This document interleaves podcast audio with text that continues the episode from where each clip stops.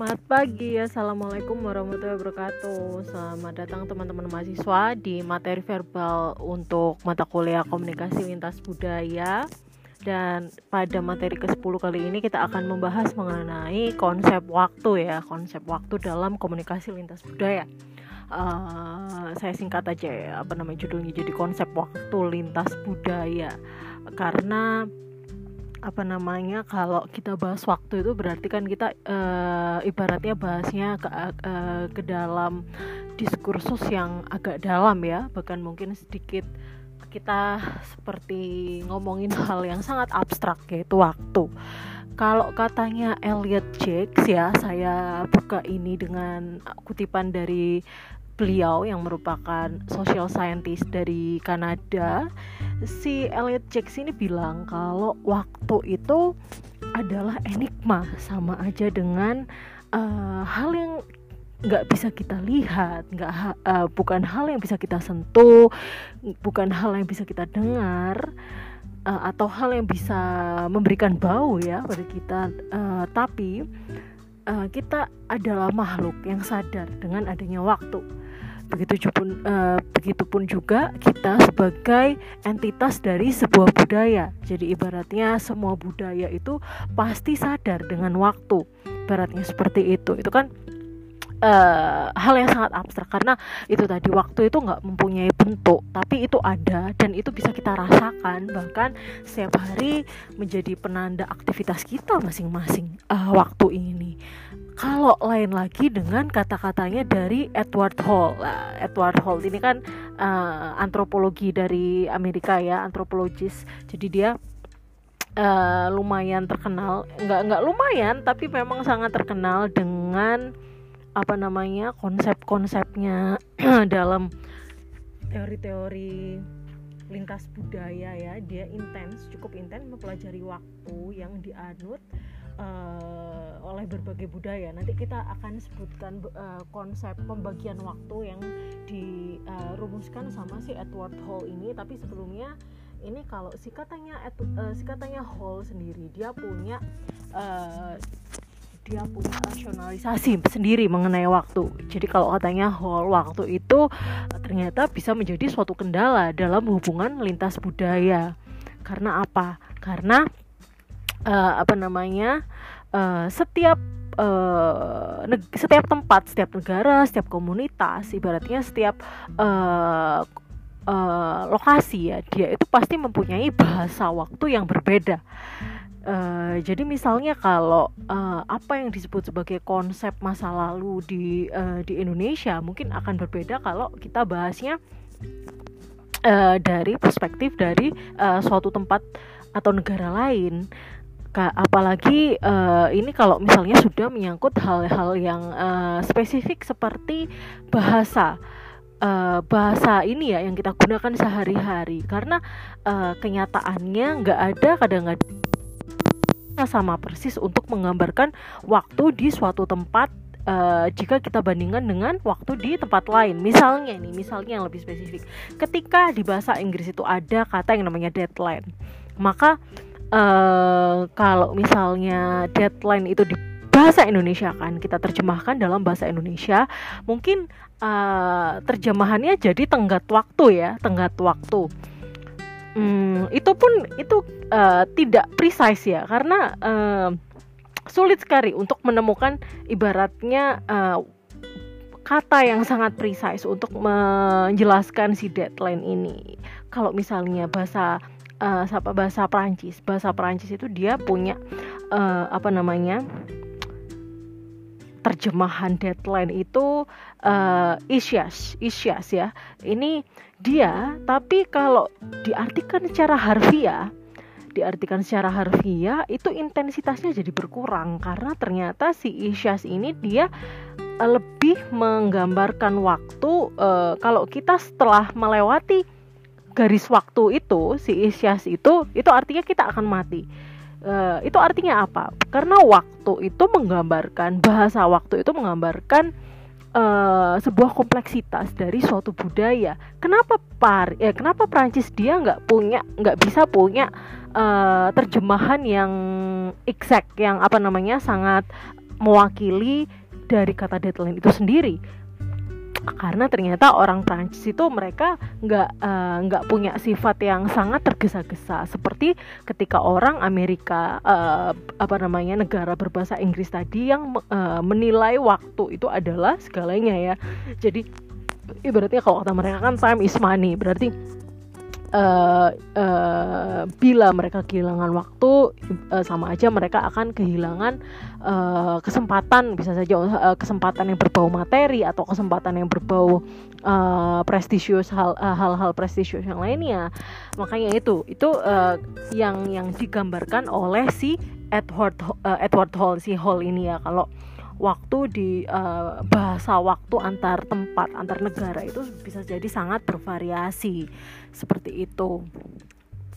Nah, uh, kalau Hall dia juga punya ini uh, punya konsep yang namanya waktu itu sebenarnya juga nggak punya sistem tunggal karena nggak uh, ada nggak ada yang nggak uh, uh, ada yang bisa saklek nggak ada yang bisa kita uh, apa namanya uh, pahami sebagai hal yang mutlak untuk menjelaskan apa dan bagaimana waktu itu. Ibaratnya seperti itu kan. Nah uh, akhirnya si Hall ini uh, dengan berbagai apa ya berbagai penelitiannya dalam cara menata waktu uh, dia itu membuat dia secara garis besar itu membagi delapan konsep waktu uh, yang diklasifikasikan menjadi empat pasang waktu dan satu konsep waktu yang berada di tengah-tengah dalam peta tersebut. Ibaratnya kita bisa uh, kenal ini dengan yang namanya peta waktu ya, peta waktunya si Hall. Dia uh, di tengah-tengah itu dia pakai uh, dia menentukan satu namanya itu uh, waktu meta dan waktu meta ini dikelilingi oleh empat pasang waktu empat pasang waktu yang dia kelompokkan juga menjadi waktu waktu untuk uh, yang di yang waktu yang digunakan untuk diri sendiri atau individu atau waktu yang digunakan oleh uh, untuk berkelompok. Jadi kalau pemetaan ini, kalau kalau uh, misalnya kita bahas pemetaan ini lebih detail uh, sesuai dengan pemetaannya Hall, ini akan uh, ini ya menjadi uh, sulit karena saya saya sudah berikan ini apa namanya uh, gambarannya di PowerPoint kalian bisa lihat. Dan di, di dan di sini saya akan menjelaskannya ke dalam ini apa namanya penjelasan yang lebih kita yang lebih kita perlukan ya. Di sini kita akan lebih memahami pembagian waktu. Kita bahas satu-satu tanpa pengkelompokan ini karena memang uh, apa namanya uh, bisa kita jadikan diskusi saja ketika kita pakai ini ya uh, zoom apa zoom atau Cisco Webex. Maksudnya uh, ini lebih enak diterangkan ketika saya mahasiswa sekalian. Kalau kalau seperti ini nanti takutnya malah uh, apa namanya uh, ada misleadnya. Jadi di sini empat uh, empat konsep waktu ini kan setiap konsepnya dia juga dibagi lagi menjadi dua uh, konsep waktu jadi totalnya ada delapan. Ibaratnya secara garis besar besar hall ini meng, apa, membagi menjadi delapan konsep waktu. Yang pertama kita bahas uh, yaitu waktu biologis. Artinya waktu biologis ini adalah waktu uh, apa? Waktu yang sejalan dengan siklus kehidupan kita dengan irama tubuh, uh, tubuh kita sehari-hari dengan ritme yang kita lakukan sehari hari karena memang setiap hari ternyata uh, ritme tubuh kita itu sangat menyesuaikan dengan jam berapa uh, dengan dengan aktivitas kita. Jam berapa kita mau tidur jam jam berapa kita makan itu ternyata sudah apa ya itu terbawa dalam uh, apa namanya ritme yang dirasakan oleh tubuh kita. Makanya kalau misalnya kita pergi ke luar negeri dan di sana berlainan waktu akhirnya kita bisa apa ngalamin jet lag ya. Karena apa? Karena uh, tubuh kita mengalami disorientasi yang di saat uh, mungkin ketika berangkat kita pagi nyampe nya pun itu juga masih pagi. Jadi uh, di situ kita perlu penyesuaian uh, tubuh kita perlu penyesuaian untuk mendapatkan ritme. Apalagi mungkin secara teknis ternyata kalau kita tiba di suatu lokasi uh, apa namanya jam di jam tangan kita belum disesuaikan. Wah itu malah bikin apa jadi ini ya kadang-kadang ada yang otomatis tapi ada jam yang perlu disetting dan itu yang bikin agak uh, agak kita apa namanya kadang lupa dan masih terjebak sama uh, pembagian waktu di tempat yang semula. Ini pernah saya rasakan. Jadi karena saya lupa untuk mengganti uh, jam tangan, untuk menyesuaikan jam tangan saya nggak otomatis. Jadi uh, ketika saya sampai waktu itu saya uh, sedang pergi ke mana? Ke ke Korea. Padahal Korea itu perjalanannya waktu itu direct flight ya dari Jakarta ke uh, Seoul itu 8 jam. Uh, tapi ternyata uh, apa namanya 8 jam itu mungkin juga nggak seberapa nggak sepanjang perjalanan antara uh, Indonesia misalnya ke benua lain. Kalau di Amerika itu kan bisa sampai 21 jam apalagi ke Kanada ya. Itu kan benar-benar kayak yang uh, ada di bagian tub, uh, bagian dunia yang lain gitu. Itu itu karena perbedaan waktunya nggak seberapa maka saya mungkin agak underestimate ya. Uh, maksudnya saya juga nggak akan apa namanya mikir bisa sangat jet lag. Tapi ternyata ketika malam uh, saya sudah siap. Jadi waktu itu saya sudah mau ibaratnya sudah janjian sama teman-teman yang lain malam uh, apa namanya pagi-pagi tapi ternyata saya malam itu ketika malam-malam itu saya bangun saya lihat jam itu uh, kok sudah pagi tapi kok rasanya tidurnya masih sebentar gitu. Tapi uh, tetap aja saya bangun saya mandi dan siap-siap dan lain-lain. Lalu saya telepon ternyata itu masih jam setengah dua malam gitu ya. Jadi itu itu benar-benar saya merasakan oh tubuh ini benar-benar perlu ya jet lag dan kita nggak boleh menyepelekan. Meskipun itu beda berapa jam pun meskipun hanya perjalanan uh, mana misalnya ke Thailand. Thailand itu bahkan di Bangkok itu nggak punya perbedaan waktu sama bagian Indonesia bagian barat. Sama jamnya apa namanya kalau kita jam 11 dia juga sama jam 11 tapi uh, tetap kita mungkin di sana masih ada disorientasi apa ya lebih pada lokasinya lokasi dan uh, bahasa di sana ada banyak sekali hal-hal yang mungkin membuat kita masih tetap uh, agak-agak kaget karena itu bukan lingkungan kita seperti itu. Uh, mungkin itu yang uh, kita namakan sebagai waktu biologis dan kalian juga bisa bayangkan apalagi ini ya astronot-astronot yang mereka perginya ke luar angkasa itu bisa dibayangkan gimana mereka punya uh, mereka harus mengalami disorientasi ratusan bioritme yang mengatur tubuh. Itu kan kompleks sekali entah apa yang mereka rasakan. Ini menarik ini kajiannya. Oke, okay. yang kedua adalah waktu pribadi atau personal time. Di sini adalah uh, maksud dari pengalaman subjektif kita ya masing-masing yang berbeda tentang waktu. Karena kan suatu pengalaman suatu waktu biasanya kita punya uh, suasana yang berbeda dalam menggambarkan uh, dalam dalam uh, meng, apa namanya passing me, melewati waktu tersebut.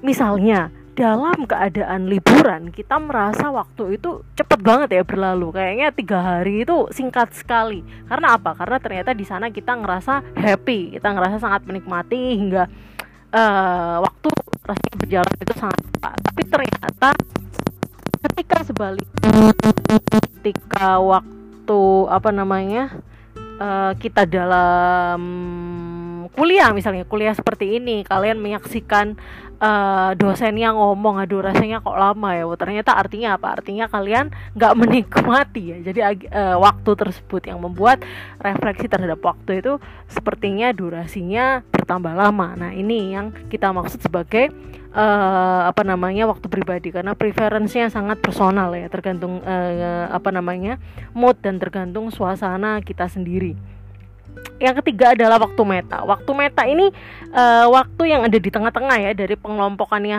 whole tadi itu. Jadi aslinya waktu meta ini adalah bagaimana uh, definisi suatu definisi suatu konsep atau teori tentang waktu dan sifat-sifatnya. Oh, kan kita banyak banget.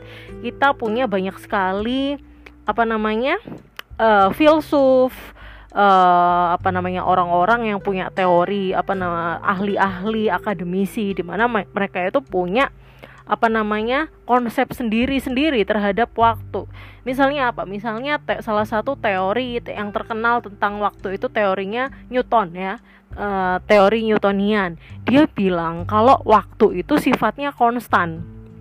Jadi uh, karena dia konstan itu bisa diterapkan pada semua budaya jadi ibaratnya waktu pengertian waktu, bahasa waktu uh, dan konsep waktu di semua tempat di semua komunitas itu sama. Itu yang dibilang oleh Newton. Nah, jelas ya, ini jadi sangat berlainan kalau kita benturkan sama waktu uh, yang didefinisikan sama si Hall tadi, si Edward Hall karena Hall sendiri bilang tadi kalau waktu itu nggak berkaitan uh, antar budaya satu dan budaya lainnya. Itu malah bisa jadi kendala dalam suatu uh, strategi lintas budaya. Karena setiap uh, negara, setiap tempat, setiap suku bahkan dia punya bahasa waktu sendiri-sendiri. Ibaratnya seperti itu katanya Hall. Uh, itu jadi kontras dengan pendapatnya si Newton. Ada lagi misalnya uh, si teorinya waktu konsep waktunya dari Al Ghazali. Al Ghazali itu filsuf dari Persia ya uh, apa Persian philosopher yang dia punya uh, konsep. Dia bilang bahwa waktu itu sifatnya relatif. Uh, apa ya dia itu kayak yang kerangka independen yang uh, yang dibagi jadi uh, dua konsep waktu yang besar yaitu waktu uh, dia dialami atau supernatural time dan yang kedua adalah waktu biasa atau ordinary time. Bedanya apa?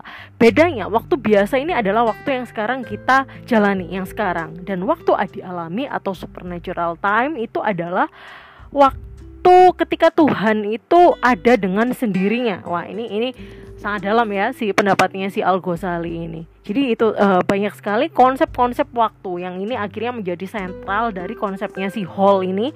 Uh, so, bagaimana semuanya bermula akar-akar dari um, pendefinisian, pengklasifikasian waktu, delapan konsep waktu yang dibuat sama Hall yang sekarang sedang kita bahas ini ya. Jadi si meta time atau waktu meta itu adalah waktu yang berada di tengah karena dia adalah akar dari uh, pembagian uh, delapan klasifikasi waktu ini. Lalu selanjutnya yaitu yang keempat kita ada yang namanya waktu fisik. Waktu fisik ini konsep waktu yang ini ya yang alami dan uh, uh, apa namanya yang bisa diramalkan dan diukur untuk tujuan-tujuan tertentu misalnya apa misalnya ramalan cuaca itu itu adalah uh, contoh dari waktu fisik uh, dan apa namanya waktu fisik ini kan uh, sifatnya tidak bisa diulangi atau irreversible.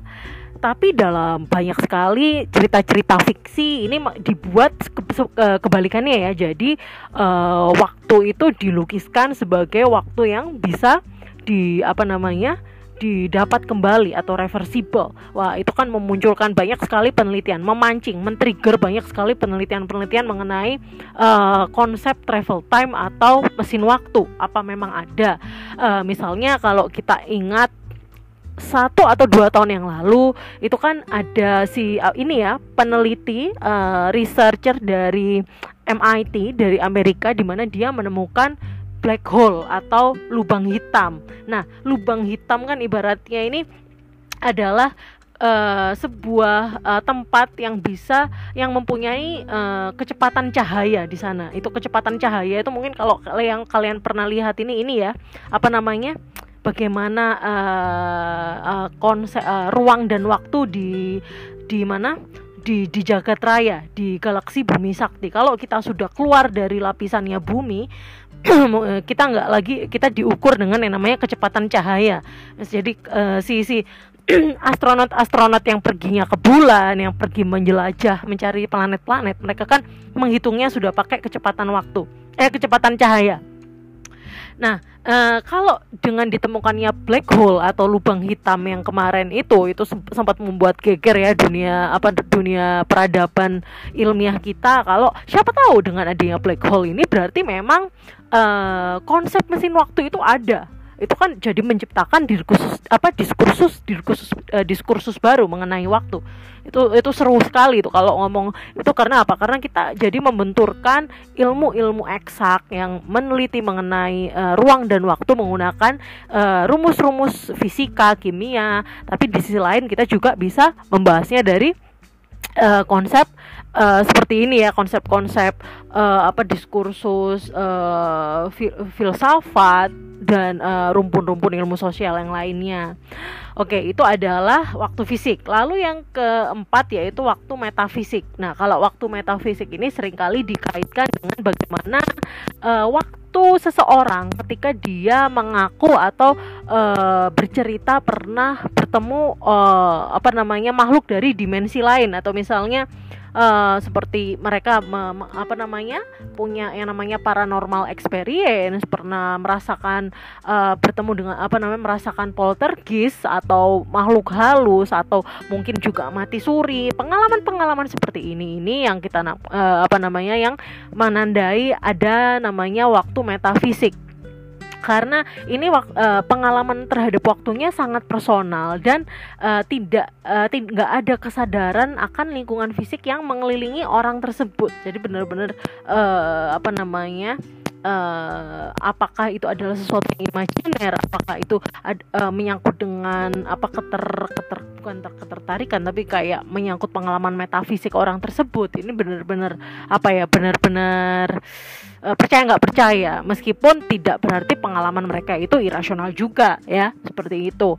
Nah lalu selanjutnya kita punya yang namanya micro time. Nah micro time ini kaitannya dengan budaya tap, e, dan dibagi menjadi dua di sini yaitu waktu monokronik dan waktu polikronik yang akan saya jelaskan nanti di slide selanjutnya. Karena waktu M dan waktu P penyebutan untuk waktu monokronik dan polikronik ini juga nggak simpel. Nanti akan saya jelaskan lebih detail di e, slide selanjutnya ya.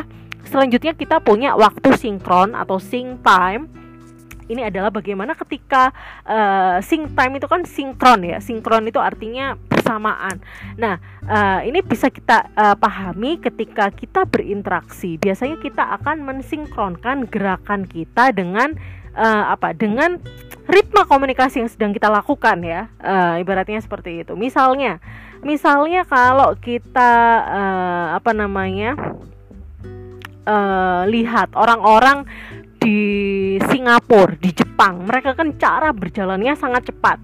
Kalau kita tinggal di sana, mungkin bisa saja kita akan gerakan tubuh kita dengan uh, dengan budaya setempat. Nah, itu artinya kita mulai mencoba menyinkronkan waktu kita juga, uh, apa namanya konsep kita terhadap waktu dan lain-lain. Uh, uh, itu itu apa ya bagaimana jadi bagaimana waktu sing ini menggambarkan orang kelompok budaya atau kota ini e, bisa berlainan bergerak sesuai dengan iramanya masing-masing seperti itu. Lalu selanjutnya ada waktu sakral atau sacred time. Nah, waktu sakral ini adalah waktu yang kita apa uh, ilhami sebagai waktu tertentu yang begitu suci, yang begitu sesuai untuk melakukan sesuatu, waktu yang tepat untuk mendekatkan diri kita dengan uh, jiwa spiritual kita misalnya. Kalau uh, orang uh, tergantung ya kalau secara religius kita adalah orang Kristen maka itu mungkin malam Natal. Kalau mungkin orang Muslim dia akan merasa secret time-nya itu waktu malam ketika bangun tidur uh, apa namanya untuk sholat tahajud atau ketika apa puasa Ramadan ada yang namanya malam Lailatul Qadar. Jadi uh, ini sangat kasuistik ya bergantung dengan spiritualisme masing-masing individu tersebut. Lalu selanjutnya ada yang namanya waktu profile. Ini adalah waktu yang eksplisit yang kita bicarakan, yang sekarang uh, apa namanya? Yang sekarang kita lakukan yang dirumuskan dengan penandaan ya bagaimana waktu itu ditandai menit, jam, hari, minggu, bulan, tahun, dekade, abad, milenium, hal-hal seperti itu. Ini adalah waktu profan. Jadi ini ibaratnya apa namanya penggambaran waktu yang sedang kita lalui sekarang ini. Itu ya itu adalah delapan konsep waktu dengan uh, sembilan ya. Cuman satunya kita taruh di tengah-tengahnya si waktu meta itu. Lalu uh, sekarang saya seperti tadi janji saya akan ngomong mengenai konsep waktu mikro yang masih kita bagi menjadi dua uh, dua bagian yaitu waktu monokronik dan waktu polikronik karena ini rupanya terkait dengan uh, apa namanya uh, habit atau sebuah kebiasaan suatu budaya tertentu. Kalau waktu M ya uh, waktu monokronik akan saya sebut sebagai waktu M ya biar uh, lebih singkat. Jadi waktu monokronik waktu M dan waktu polikronik waktu P. Waktu monokronik ini diidentikan dengan uh, waktu linear. Jadi kita bisa sebut di sini sebagai waktu yang lin waktu linear. Waktu linear ini dianggap berjalan dari masa lalu ke masa depan. Ibaratnya kita benar-benar lurus lurus lu, lurus memandang ke depan dan uh, waktu linear ini sifatnya objektif bisa dihitung, dihemat, dihabiskan atau bahkan dibuang. Karena waktu apa pe, apa pen, bukan penjelasan. Karena penggambaran waktu linear ini menjadi sangat berharga, itulah akhirnya muncul yang namanya waktu, e, peribahasa waktu adalah uang. Karena penganut orang-orang penganut waktu M ini mereka akan berusaha memperoleh penghasilan yang sebanyak-banyaknya dan menghabiskan waktu sesingkat-singkatnya. Ibaratnya mereka itu akan mengkalkulasi uh, efisiensi waktu dan konsep uh, itu itu adalah uh, konsep waktu M yang sangat di apa yang sangat di ini ya yang sangat dijunjung tinggi. Jadi uh, bisa kita runut kalau kenapa akhirnya penganut waktu M ini uh, mereka sering kali menuntut diri mereka untuk disiplin, tertib, cermat, tepat tepat waktu. Nah, itu adalah ciri-ciri dari uh, budaya dengan waktu M. Nanti saya akan berikan contohnya ya. Kita bahas konsepnya sekarang uh, konsepnya dulu. Jadi uh, lalu itu yang waktu M. Yang kedua adalah waktu P atau waktu polikronik ini sangat kontras konsepnya dengan waktu M karena dalam waktu P waktu itu dianggap sebagai daur ulang. Uh, jadi waktu itu akan mengulangi dirinya sendiri. Ini kayak ibaratnya mungkin kalau kita kenal konsep ini ya apa namanya peribahasa the history repeat itself. Sejarah akan mengulang uh, akan terulang kembali. Karena si konsepnya waktu P ini mereka juga bilang waktu yang akan mengulangi dirinya lagi. Seperti apa? Seperti musim yang setiap tahun selalu datang. Waktu itu jadi diibaratkan sebuah lingkaran yang uh, yang berputar. Jadi di, ada kemungkinan-kemungkinan untuk membawa resiko yang sama, baik keberuntungan atau kemalangan ya. Nah, karena itu uh, hal-hal yang bersifat keterlambatan atau kelalaian itu menjadi hal yang uh, agak biasa ya. Karena uh, penganut waktu P ini mereka lebih menganggap kalau waktu akan tersedia kembali. Waktu itu akan ibaratnya menuntaskan tugas tersebut uh, dengan sendirinya. Jadi kalau uh, si waktu M itu mereka punya konsep waktu adalah uang kalau waktu P mungkin uh, konsep yang tepat buat mereka adalah waktu berjalan karena mereka benar-benar eh, nggak uh, masalah dengan misalnya adanya penundaan ya bahkan mungkin penundaan suatu kegiatan itu uh, bukanlah hal yang membuang-buang waktu buat konsep uh, waktu P karena untuk uh, menghindari hari buruk atau hari-hari yang dianggap kesialan bisa jadi malah uh, kita harus menunda suatu uh, uh, suatu kegiatan, suatu aktivitas. Nah, itu adalah bagaimana sih waktu P ini uh, memperlakukan ini ya pembagi, uh, apa namanya memperlakukan uh, menjalani kehidupannya ya uh, dalam konteks waktu. Uh, tapi naasnya ya kalau menurut saya ini jadi kelemah bukan kelemahan ini jadi titik lemahnya sih. Waktu uh, penganut waktu konsep uh, buh buh buh penganut waktu P ini uh, karena kita kan cenderung lamban ya cenderung lamban dan cenderung uh, apa uh, menikma, uh, mengalir seperti itu maka akhirnya apa? Akhirnya orang-orang penganut waktu P ini kita sering kali meniadakan rencana-rencana kegiatan yang matang. Uh, jadi akhirnya apa? Kita jadi cenderung fatalistik dan menerima nasib karena kita anggap itu sebagai takdir yang nggak bisa dihindari ya itu itu jadi apa ya ibaratnya pragmatis juga bukan ya tapi ini lumayan fatal karena kita menganggap ya udah dijalani aja kita ibarat air mengalir tapi di situ ketika memang itu tidak ada usaha lebih maka kita anggapnya sebagai takdir. Itu kan lucu jadinya konyol ya kalau menurut saya bahkan. Uh, salah satu ini ya ada bahkan di budaya suatu budaya di Afrika itu mereka itu kan uh, menganut uh, konsep waktu daur ulang seperti ini. Jadi mereka itu malah nggak uh, nggak percaya sama orang-orang yang buru-buru. Mereka sering kali malah apa namanya tidak mempercayai orang yang terlihat tergesa-gesa karena bagi mereka itu mencurigakan. Itu menyimpan suatu apa ya punya suatu hal yang mereka sembunyikan seperti itu.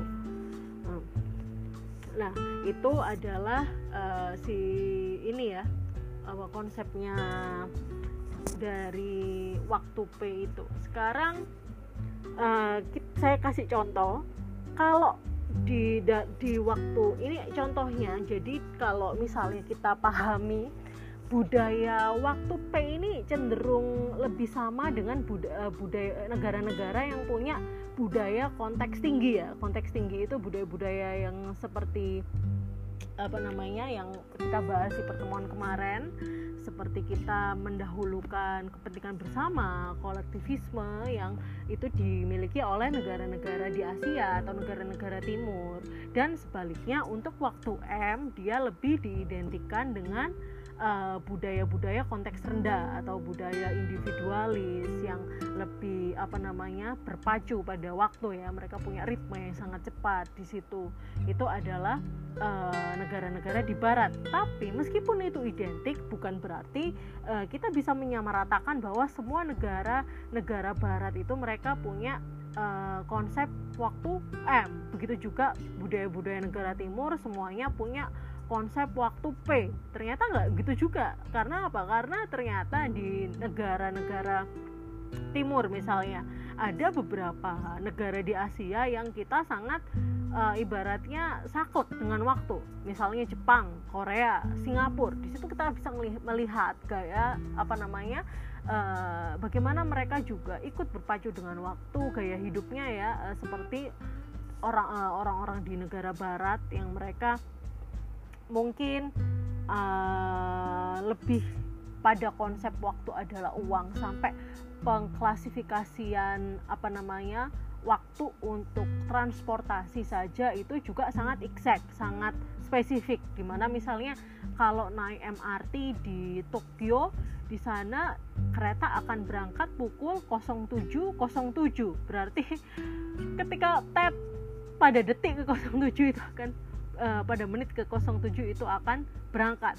Itu itu uh, sangat menarik ya bagaimana mereka sangat memperhitungkan bahwa satu menit itu juga uh, berarti 60 detik. Dan 60 detik itu dalam 60 detik itu itu sangat bisa untuk merubah atau uh, apa namanya me, uh, menjadi penanda dalam uh, uh, sebuah aktivitas karena?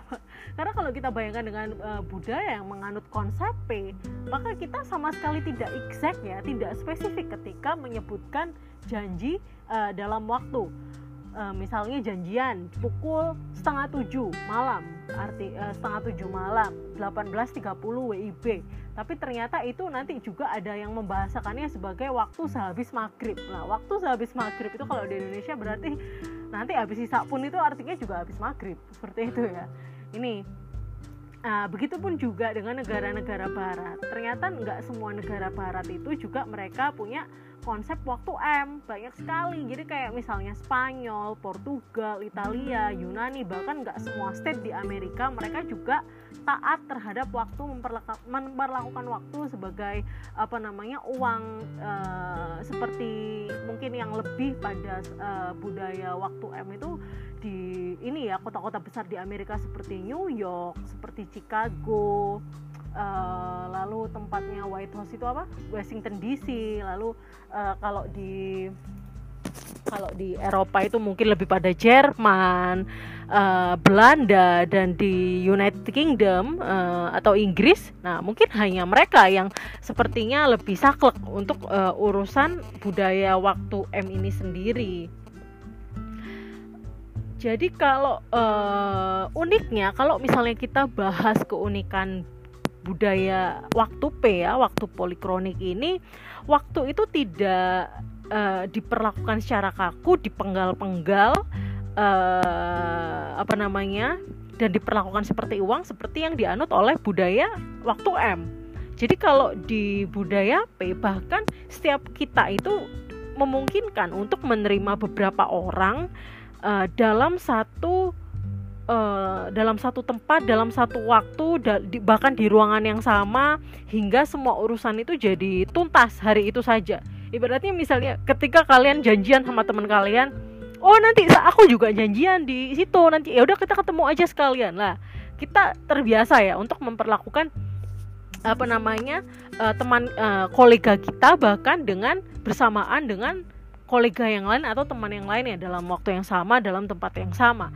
Yang di mana ini adalah uh, apa ya hal yang tidak lazim bagi penganut budaya M penganut budaya M itu mereka hanya menggunakan satu penanggalan waktu ya untuk berbicara dengan satu pihak saja. Ibaratnya kalau misalnya kita uh, di luar negeri dan uh, bukan di luar negeri tapi kita berada dalam sebuah negara yang menganut konsep budaya M. Lalu kita tetap memperlakukan sebuah appointment atau per, uh, apa namanya pertemuan dengan dua orang sekaligus dalam waktu tempat dan waktu yang sama ya habislah kita. Karena itu sama saja dengan kita mencari masalah di tempat uh, di tempat orang lain ibaratnya seperti itu. Uh, jadi kalau misalnya kita paham ya agar kita lebih peka ketika kita punya urusan dengan orang yang bukan dari budaya kita khususnya adalah orang-orang dari negara-negara yang menganut uh, budaya waktu M supaya kita ini harus uh, lebih ini uh, lebih lebih paham bagaimana mereka memperlakukan waktu. Mereka akan sangat kalau misalnya kita janjian mereka akan butuh tanggal dan waktu yang sangat eksak yang sangat exact uh, jam berapa misalnya jam 2 lebih 30 2 lebih 45 hal-hal seperti itu biasa di negara-negara yang punya kons uh, konsep, uh, konsep budaya waktu M seperti itu mungkin sa satu hal yang menarik lagi yang bisa saya pahami ini ini uh, jadinya yang saya pahami waktu budaya P dia punya keunggulan dalam memperlakukan orang tua. Karena apa? Karena waktu monokronik, waktu M ini karena mereka berpikir waktu itu terus maju, maka kan yang namanya orang tua itu kan tertinggal di belakang kan. Mereka jelas ritmenya sudah melambat, sedangkan waktu terus berjalan ke depan. Nah, jadi eh, negara-negara atau tempat-tempat dengan uh, budaya waktu M mereka itu cenderung ibaratnya mengasihani eh maaf cenderung tidak kurang mengkasihani atau cenderung tidak menghargai orang tua. Jatuhnya seperti itu. Karena benar benar-benar orang tua kan mereka nggak bisa lagi ya mengikuti laju or, orang-orang muda yang terbiasa cepat dengan ritme waktu. Nah sebaliknya waktu polikronik ini mereka lebih uh, membuat orang tua itu dihormati. Karena mereka uh, menganggap apa ya mereka menganggap uh, orang tua itu kan umurnya matang dianggap bijaksana mampu mengintegrasikan dan mensintesiskan mensintesiskan bah, bah mensintesiskan semua pengalaman sepanjang hidup yang lalu-lalu ibaratnya ya. Itu kan Uh, jadi ibaratnya jatuhnya menurut saya keindahan waktu polikronik itu bagaimana akhirnya kita juga bisa menyesuaikan ritme kita dengan orang orang tua ini. Makanya kan akhirnya kalau di budaya, timur budaya di negara-negara timur kita bisa melihat banyak uh, orang tua itu memang dihormati. Karena memang itu uh, berbanding lurus itu ternyata masih relevan dengan cara kita dalam memperlakukan waktu itu juga. Kalau misalnya kita berpikiran waktu adalah uang ya mungkin mustahil ya jadinya jadinya buat kita untuk menunggu orang tua kita untuk me, apa namanya untuk memperlakukan mereka secara uh, layak itu jadinya mustahil kalau kita adalah penganut budaya M.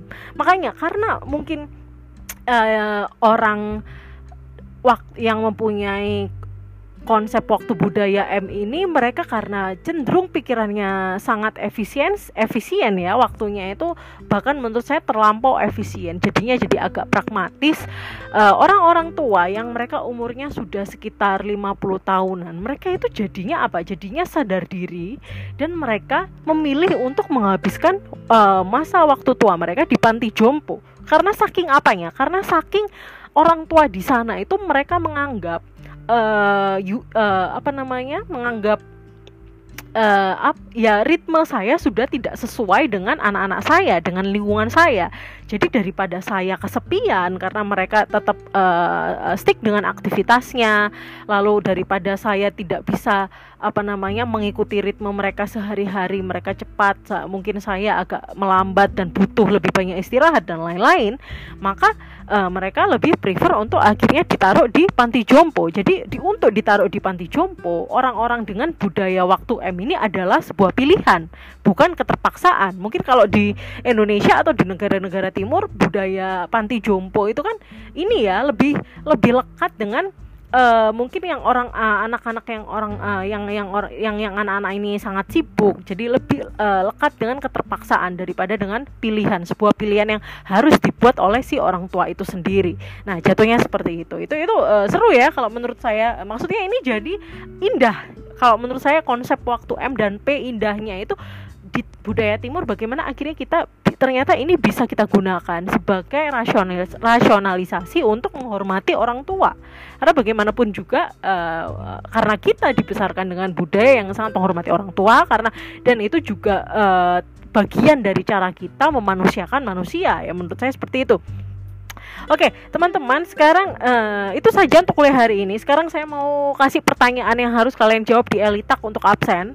Pertanyaan saya adalah dalam kaitannya dengan negara besar seperti Indonesia yang uh, terdiri dari banyak sekali kota, daerah, uh, itu menurut kalian pembagian konsep waktu di Indonesia itu lebih pada ke mana? Lebih ke konsep waktu budaya M atau budaya P?